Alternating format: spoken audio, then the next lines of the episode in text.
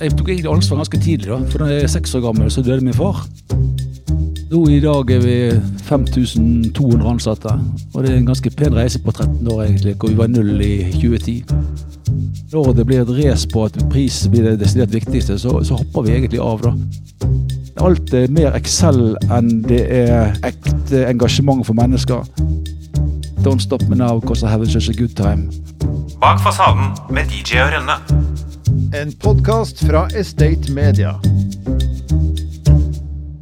Da er det tid for en ny episode av Bak fasaden med Dirje og Rønne. Eh, også denne gangen er jeg uten eh, Silje Rønne. Hun er eh, hjemme med sin datter. Eh, kommer snart tilbake, men inntil videre så kjører jeg showet her. Eh, og nå har jeg med en gjest som han har jobba i mange år i ledelsen i ulike facility management-selskaper. Tor Rønhovde. Jeg holdt på å si at velkommen til en erkebergenser, Ja, men det er kanskje ikke helt riktig? Nei, erke, erkebergenser er jeg egentlig, for det er der jeg vokste opp. Ja. Uh, men jeg er født i Oslo, så Men allikevel, jeg føler meg som bergenser. Ja når, var det du, når var det du kom til Bergen? Jeg kom da jeg var seks år gammel til Bergen, og siden så har jeg bodd der frem til 2000, og jeg flyttet tilbake igjen til Oslo. Ja. Så du holder med en brann? Holder med brann, vet du. Og så er du alltid bergenser. Du skal alltid hjem igjen en gang. Ja. Gulles hjem og Ja, ja. Det, det, og fruen også fra Bergen, så begge to sa at ok, Ah. vi skulle bare en liten tur. Ja, og det ble en lang tur. Det ble en lang tur, og det er jeg glad for. Mm. Uh, men hvordan var du som barn? Som barn så var jeg Jeg tok egentlig ansvar ganske tidlig, da. For da jeg er seks år gammel, så døde min far. Og da måtte jeg hjem, og så eh, var jeg hjemme sammen med min mor, som ikke hadde utdannelse, så begynte på skole. Ja. Og da var jeg eldstemann, og når du er eldstemann i familien og du ikke har så mye penger, så må du faktisk bare lære deg å ta ansvar. Så da begynte jeg å lage alle middager og rydde hus da jeg var syv år gammel. ja.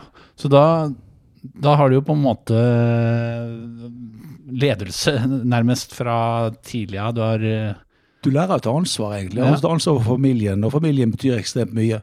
Mm. Så på den måten så bygger du en kompetanse som du kanskje tar med deg senere i livet, som er, som er spennende, egentlig. da. Så jeg har Ja. sagt jeg, jeg bakte alle mine kaker til min konfirmasjon. De bakte jeg sjøl. Så, så på en måte så har du lært deg egentlig at uh, du må faktisk klare deg sjøl, men du utvikler et fellesskap som, eh, hvor du skaper familie, og det er viktig for meg.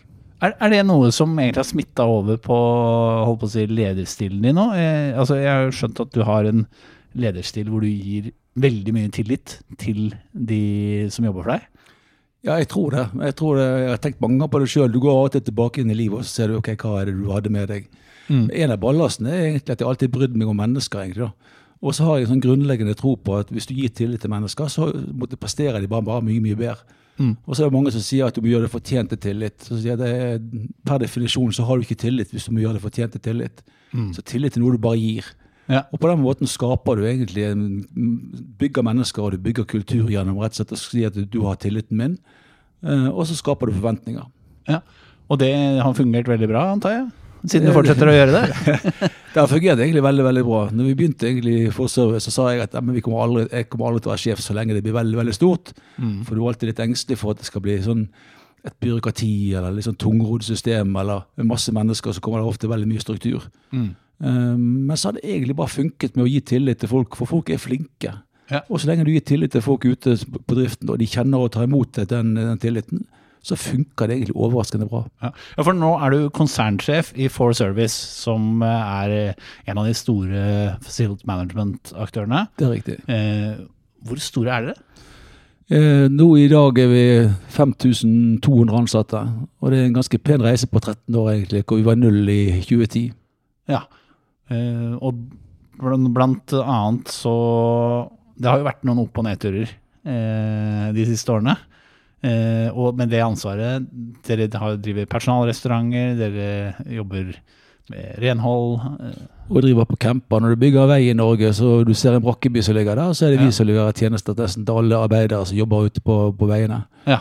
Eller på oljerigger, hvor folk jobber borer etter olje og energi. Så, som er gått fra å være noe, noe Man skal ikke drive med oljeboring til å bli faktisk en, en god industri. Men vi leverer maten, og vi leverer renhold, og vi leverer servicetjenestene. Mm.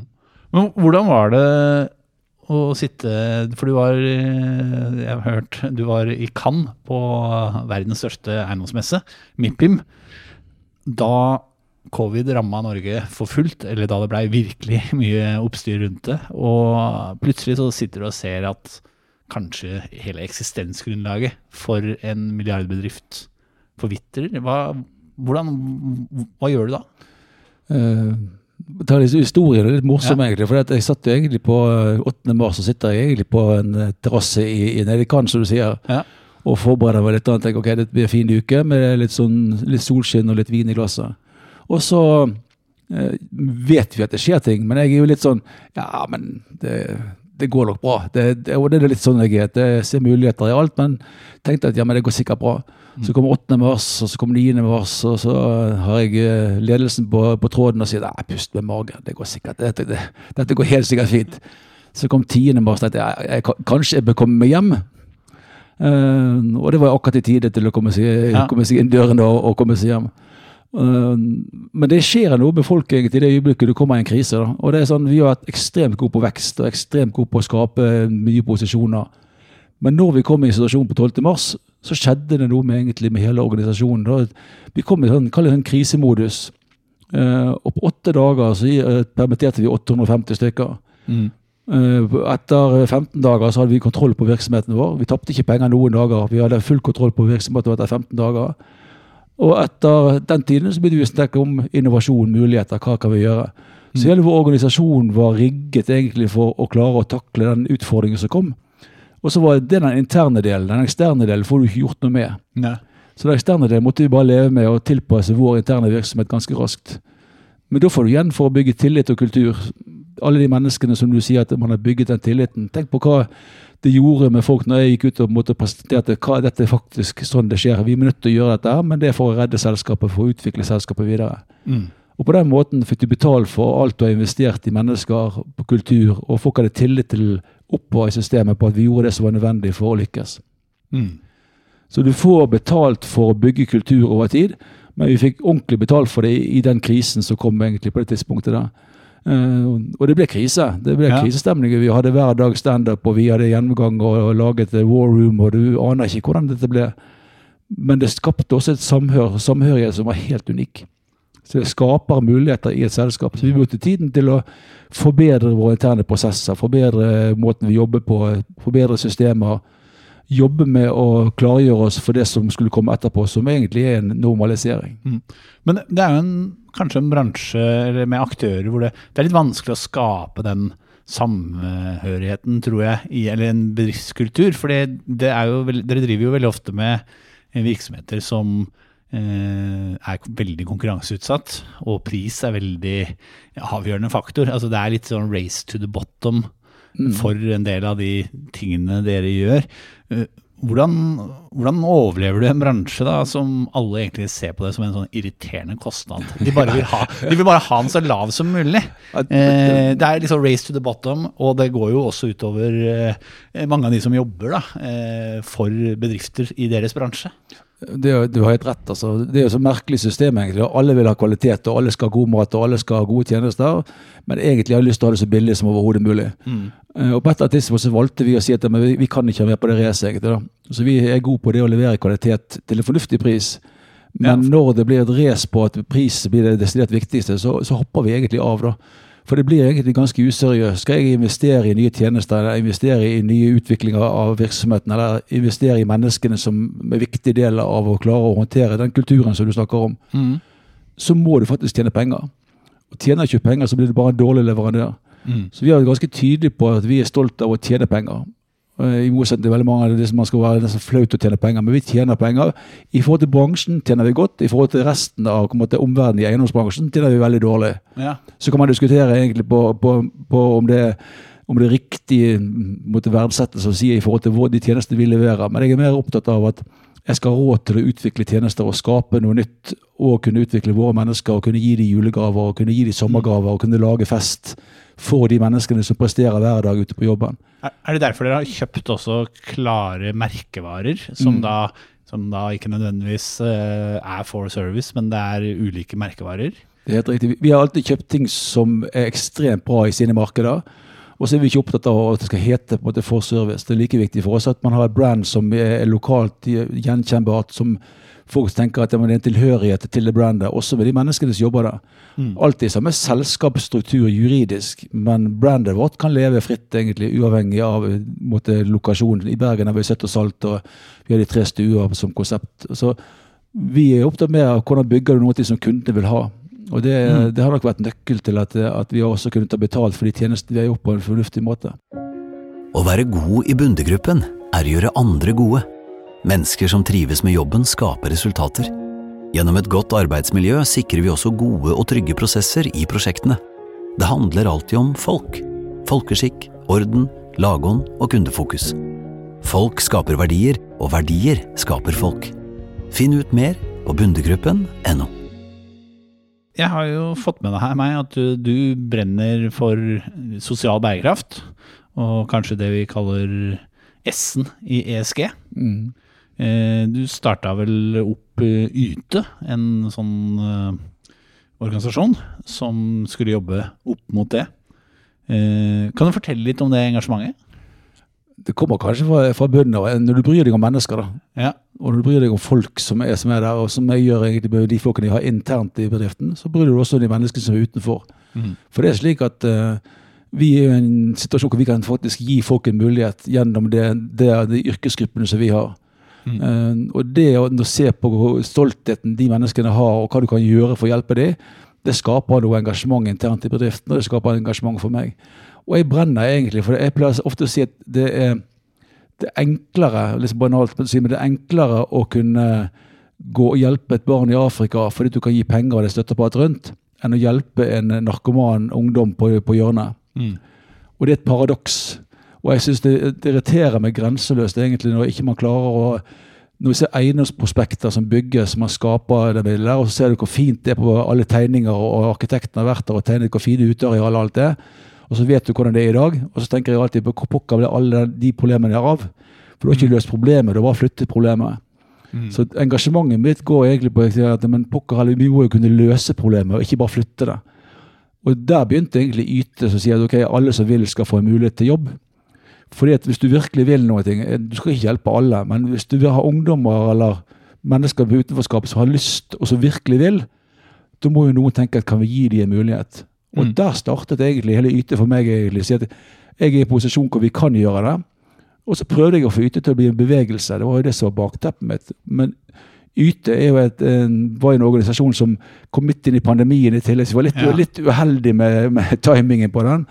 Men hele, hele poenget var egentlig bare at hvis jeg kan hjelpe, da Hvis jeg kan hjelpe én, og du Dag Jørgen kan hjelpe én, og du får noen andre til å hjelpe én, så skaper du bevegelse. Og da trenger ikke noen å gjøre alt. Men du skaper en bevegelse som sier at vi har lyst til å hjelpe. Og hvis alle prøver, så skaper du noe mer enn det som er i dag. For det er fryktelig mange som sier at de gjør noe, men det skjer fryktelig lite. altså. Sånn at man gir penger til til et eller annet arrangement, eller gir noe eller Men alt er mer Excel enn det er ekte engasjement for mennesker. Og, og det var det som irriterte meg litt. Jeg tenkte pokker heller, her må vi kunne gjøre noe mer. ja. Og hva var det dere da gjorde? Sånn rent Vi skapte, vi skapte Yte, men med Yte ble litt for uh, lett Altså Vi hadde litt sånn eh, kall det litt naiv tanke om at vi alle ville jo være med på å hjelpe de Ja. med utenforskap. Eh, det var ikke tilfellet. Det- Når vi gikk rundt, så var det veldig mye Excel der vi har ikke råd til dette, eller vi gjør noe annet. Men som jeg sier, at vi gjør også masse annet. Jeg ansetter 50 stykker for utenforskap hvert år. Hvert eneste år gjør vi det. Men vi prøver alltid å gjøre mer for det. Og litt den utfordringen jeg hadde til egentlig alle sammen. Du kan gjøre noe mer. Men der stoppet det litt, egentlig, for vi gjør så mye, eller vi gjør, gjør litt. Og, og da var vi nok litt naive i forhold til tilnærming. på en måte. Vi var i møte med Røde Isaksen den gangen egentlig, og prøvde å komme oss opp på Nav. Men eh, når du starter ting, så kan du av og til være litt naiv i tilnærmingen din. Og så har vi egentlig trukket det tilbake og sagt at vi driver med det sjøl Ja. internt hos oss. Og så jobber vi nå med å se uh, Jeg gir jo meg aldri egentlig på dette, for jeg syns det irriterer meg at ikke man får det bedre til enn det man har fått til i dag. Um, så nå jobber vi egentlig med en, jobbe med sertifiseringsordning på S-en. For i E-en er det masse sertifiseringer. På G-en er det masse sertifiseringer. På S-en er det ingenting. Det er egeninnmeldingsskjemaet, og bankene ber om sånne såkalte grønne sertifikatene sine på S-en. Med S-en er bare spørreskjemaet som sier 'gjør du noe bra', ja. Og så er man ferdig med det. Og jeg sier at det må jo kunne gå an å lage en right to play-sertifisering. Så sier jeg egentlig på samme måten som et miljøfyrtårn eller tilsvarende. sier at noen sjekker at du faktisk gjør det du har sagt du gjør. Så da jobber vi sammen med Varde Hartmark nå og ser på hva kan vi gjøre og lage en sertifiseringsordning. Hvor vi utfordrer mange store selskaper å stille seg bak. For service kommer til å betale gilde for å gjøre det. For jeg vil bare at det skal på plass. For når du spør etter penger, så skjer det ingenting. Men spør etter bare låne navnet deres eller varme for navnet deres, så ser vi at det faktisk flere er med. Men da skaper du egentlig et verktøy som sier egentlig at noen sertifiserer at du også gjør noe riktig på S. Og det finnes ikke i dag, og det syns jeg er fryktelig synd. altså. Ja. Eh, det betyr at dere, målet er å få folk som har falt utenfor arbeidslivet, inn i arbeidslivet. Det er det som er egentlig kongstanken her. Eh, Men eh, jeg hørte en liten frustrasjon her. Eh, Eiendomsbransjen, leverer de, eller er det floskler og prat? Nei, det, det er ikke er mange som leverer mye, da. Ja. Men jeg mener de kan gjøre mye, mye mer. Ja. Sant? og det, Vi hadde en undersøkelse vi på, på dette, hvor vi gjorde en ganske stor undersøkelse på det. og Mange gjør mye, og mange har et engasjement. Mm. Men for meg er det som å si at du har et engasjement, det kan mange ha det. Og mange kan si at de gjør litt, men jeg mener at alle kunne gjort mye, mye mer. Mm. Og det er det engasjementet som jeg, jeg savner. liksom at ja, men Når det ikke passer inn i Excel, så tenker du at nei, men da gjør vi det ikke. Men for meg handler ikke dette her om Excel. Dette handler egentlig om å bry seg om folk og bry seg om samfunnet ditt. Eh, Så for meg er det blitt mer sånn samfunnsoppgave for, for service og for meg sjøl å si at kan vi gjøre noe mer for å skape det grunnlaget. Og tenk, hjelper du ett eneste menneske ut av utenforskap, da? Det er et fantastisk, den følelsen du har når, når det skjer, og de som er takknemlige tilbake igjen. Du, du skaper på en måte noe helt unikt i samfunnet, og jeg mener at mange flere burde brent, og mange flere burde engasjert seg i den delen av jobben. Og så tror vi at kanskje en sertifiseringsordning gjør at faktisk folk må det. Og Istedenfor at vi skal prøve å predike og være, og være misjonærer og skal lære alle folk til å gjøre det, så tenker vi snu på det. da. Så sier vi at ja, men For å få lov til å right to play innenfor S-en, så må du faktisk gjøre noen ting, Og dokumentere at du faktisk gjør det, og få et stempel på at du har på en måte gjort det du skal ha sagt du skal gjøre. Ja. Hva sier eiendomsselskapene hvis du forteller dem det her? Jeg håper jo virkelig at de tenker jøss, endelig kommer noe. For det vil jo forenkle jobben for de å huske på det. Ja. Alle står nå svarer på skjemaer på mange tusen spørsmål som ligger der egentlig, som ligger hver gang. Alle, alle skal jo ha dokumentasjon på alt. Så på den måten der så kan du forenkle jobben for de i etterkant, for de er faktisk blitt sertifisert. Så istedenfor å svare på alle spørreskjemaene som kommer fra ulike institusjoner, så kan de si ja, men vi har et stempel vi som heter sertifiseringsordning for S-en. Og da vil jo du gjøre, forenkle jobben deres. Bankene vil jo få det mye enklere. For de vet jo at når de ber om ting, så vet de at noen har sertifisert at det faktisk er riktig det som det er. De, de trenger ikke å tenke på har de bløffet eller har de gjort noe annet, eller har de virkelig gjort alt det de har sagt de skal gjøre. Så for meg er det forenkling for, for eiendomsselskapene og for, egentlig for alle aktørene. Men for finansinstitusjonene så får de plutselig en sertifiseringsordning for S-en som må være helt gull for veldig mange av de. Og tilbakemeldinger fra de der bankene vi har snakket med, er kjempepositive. da. Så det er mange som sier at dette må komme. Med Life at Work fra VNI er alle byggtjenester samlet i én løsning. Med én og samme app for alt av adgangskontroll og parkering. Til booking av møterom eller matbestilling kan du som gårdeier ta grep om dine verdier og skape en enkel og sømløs hverdag for dine leietakere. Finn ut mer på vni.no. Dere er eid av et eh, private equity-selskap. Ja. Eh, hvem er det som eier dere? Nordvestor heter det. Investor. Ja. Eh, Så da har dere egentlig en eier som, som holdt på å si vil være der for dere, det er vel mitt inntrykk.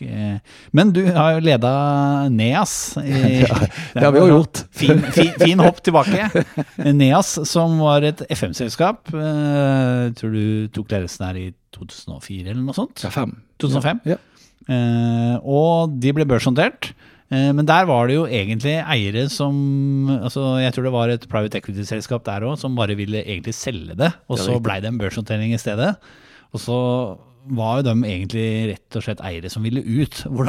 Hvordan, er det å lede et selskap så når du har vekstambisjoner, og så har du kanskje eiere som er litt eh, usikre på, på hva de egentlig vil, og du har en børsnotert aksje som jeg regner med var litt jobb med. Det var det. Men det, forhistorien er som du sier, at uh, var jo inne og skulle egentlig ut, og de, Ja. de har vært inne ganske lenge. Eh, jeg kom inn egentlig for å snu og fikse og gjøre en del ting, og vi gjorde ganske mye bra. Eh, og så var vi i en prosess som skulle selge selskapet, og så så spør de jo meg, og jeg er jo en litt sånn overambisiøs fyr som elsker konkurranse, og så spør de har du lyst til å gå på børs, og det spurte jeg i desember 6, eh, i 2006. Eh, og du bør ikke spørre meg om det, som jeg sier. egentlig. Ja. Da vet du egentlig hva svar du får, og det hadde jeg selvfølgelig lyst til, for det har jeg aldri gjort før. Uh, og i mars 2007 så gikk jeg på børs. Og vi hadde ganske gode planer på det, for vi skulle egentlig bli størst innenfor for teknisk rådgivning og forvaltning. Ja. På det tidspunktet der så var det flere selskaper som man kunne plukket opp egentlig, kanskje kjøpt, men i utgangspunktet så var jo noen av de salgs Basale blant annet, var på det tidspunktet at det ledig den gangen. Eh, og OPA kunne vært et interessant selskap å gjøre, og bygget et kompetansehus innenfor eiendom. Så det var planen. Ja. Og børsen skulle bli brukt på samme måte som Visma-reisen, at du kunne bygge, bygge, trykke aksjer og kjøpe opp selskaper og konsolidere et marked som var ganske ukonsolidert. Så ideen var kjempegod. Problemet var jo at i mai 2007 så kom det noe som het en liten, en liten finanskrise. Ja. Eh, og mesteparten av eierne på Åsvik på børs, var hedgefond. Så du kan jo tenke deg hva som skjedde når, når det smalt i mai måned. Så var jo, slapp jo alle hedgefond, de bare slapp aksjene rett ned. Så da var det om å gjøre å unngå å Da måtte vi bare overleve på børs. Og det å overleve på børs når det er et selskap som omsetter for 300 millioner kroner, eh, det gjør jeg aldri igjen. Så da sier du nei. Da sier du Ja, nei. da sier jeg nei. Med den kunnskapen jeg har i dag, så Ja. gjør jeg aldri det. Altså. Det- Men, men, det, men jeg har lært masse gjennom denne prosessen. Jeg har lært masse gjennom 2008, som var en kjempeutfordring for hele eiendomsbransjen, også for serviceleverandørene. Men vi snudde det i 2009 på det tidspunktet, og i 2010 så sluttet jeg. Så da gikk jeg ut av, av NEAS. Så det, den kunnskapen tok jeg med meg inn, og brukte masse i forbindelse med utviklingen av For Service. Men eh, hva, hva gjør du eh, når du skal slappe av? Hva er det gode liv? Er det en, er det en god vin og en bedre middag? Det er jo det. altså jeg, Når du er i den bransjen som er så blir du litt sånn skadet, kaller jeg det. For det blir jo, Du har alltid en mulighet til å spise et kjempegodt måltid, du har alltid muligheten til å drikke en god vin eller en god champagne eller et eller annet. Men det som jeg har lært meg opp gjennom tiden, det er egentlig at mesteparten av det som det handler om, det er ikke bare den gode maten eller gode vinen, men det handler om hvem du har det samme med. Ja. For det, eh, som jeg, sier, det- jeg sier alltid det er ikke reisen som er egentlig så interessant, eller målet, men det er jo det er hvem du reiser sammen med og når målet sammen med. Mm. Så jeg er mye mer opptatt egentlig av å ha opplevelsen sammen med andre. Men da er god mat og god vin en del av min totalopplevelse som jeg setter utrolig stor pris på. Mm. Hva er den beste vinen, da? Mm? Hva er den beste vinen? Åh, nei, jeg er jo jeg er frankofil litt, så det, blir sånn eh, en burgund, egentlig. da, så, som er på en måte, så ligger, Jeg er pinot noir-nerd i forhold til mer, mer enn noe annet. da. Mm. Men innenfor der så er det så mange, egentlig. Så, så jeg, det, jeg vet ikke bare ute, men jeg har også vært det på amerikansk, faktisk, på Hirsch, som er fantastisk også. så men det blir litt sånn eh, garasje må, Nå må jeg kjøpe meg vinskap på garasjen, for det, ellers blir fruen sur på meg, for jeg har okkupert alt på, på gulvet. så... Ja. Men har du, har du noe god musikk å høre på da, når du koser deg? Jeg, altså jeg, jo, jeg tror jo at musikk skaper stemning. Ja. Så En del av den eh, følelsen du får når du hører på musikk, det er liksom før et møte eller før du skal inn. og Så elsker du på å høre på noe som er tøft og noe som er litt, litt rocka. Uh, og jeg er jo Queen-fan, og alle som kjenner meg godt, jeg er Queen-fan på min hals. Eh, og det er litt sikkert fordi man har vokst opp uh, med den musikken. Og da er det ikke Under Pressure. Det er ikke Under Pressure. Vi har, vi har, vi har egentlig to låter. egentlig. Det eneste jeg bruker alltid hver gang vi, hver gang vi skal uh, ha et møte så når jeg holder innlegg, og det er Don't Stop Me Now. Og Grunnen til den er ganske enkel, den låten, her, for det er egentlig Don't Stop Me Now because I have such a good time. Og mitt, mitt poeng er at så lenge du har det gøy på jobb, så presterer du. Ja. Og så har jeg den siste låten som jeg har kjørt på egentlig når du blir stor. Nå, nå er vi på en måte nest størst i Norge, eh, og det er jo fascinerende. Men da begynner du å si at I want it all. I want it all, ja. Så det, så det, Og så blir det We Are The Champions til slutt. Uh, We are the champions til slutt, men, men, den er, men I want it all først. da, så den er, den er, den er, men det Queen er på en måte store. Også Muse og den type musikk som skaper stemning, som er sånn engasjement. Mm. Men uh, hytte? Er det, drar du på hytta og slapper av? Har jeg. Har hytte nede i Hvaler-området. og Kjøpte den i 2017 og bygget den om og fikk det helt ned med sjøen. Så da, eh, når du kommer ned der, så er det akkurat som eh, en ny verden. Du, er fred, du blir helt rolig. Naboene fisker og kommer inn med, med sjøkreps som du kan kjøpe for han. Han kommer inn fra, fra havet. Og da, og da lager du det på ditt nye kjøkken? Eller du har Ja, nye kjøkken og på utekjøkken. Jeg bygget Utekjøkken. utekjøkken. og ja, Det er fantastisk. Altså For meg er det Vi har jo pizzaovn der nede i tillegg, så vi måtte bruke litt tid på å få inn. Men det, det var jo en historie i seg sjøl, bare det å få inn det. Det var vaskede pizzaovn. Men men det er en opplevelse. ja. Har du mange barn? Jeg har seks barn, jeg. Du har seks barn. Ja. Men det er to kull, da. Jeg, eh, jeg, Ja. Man skiftet underveis. De tre første bor i Bergen, eh, Ja. og de tre siste bor jo selvfølgelig her i Oslo. her i Oslo. Eller det, akkurat nå så de flyttet, de til Bergen, de og studerer. Så, så de er jo mer i Bergen, de enn hva jeg er. Bak fasaden med DJ og Rønne.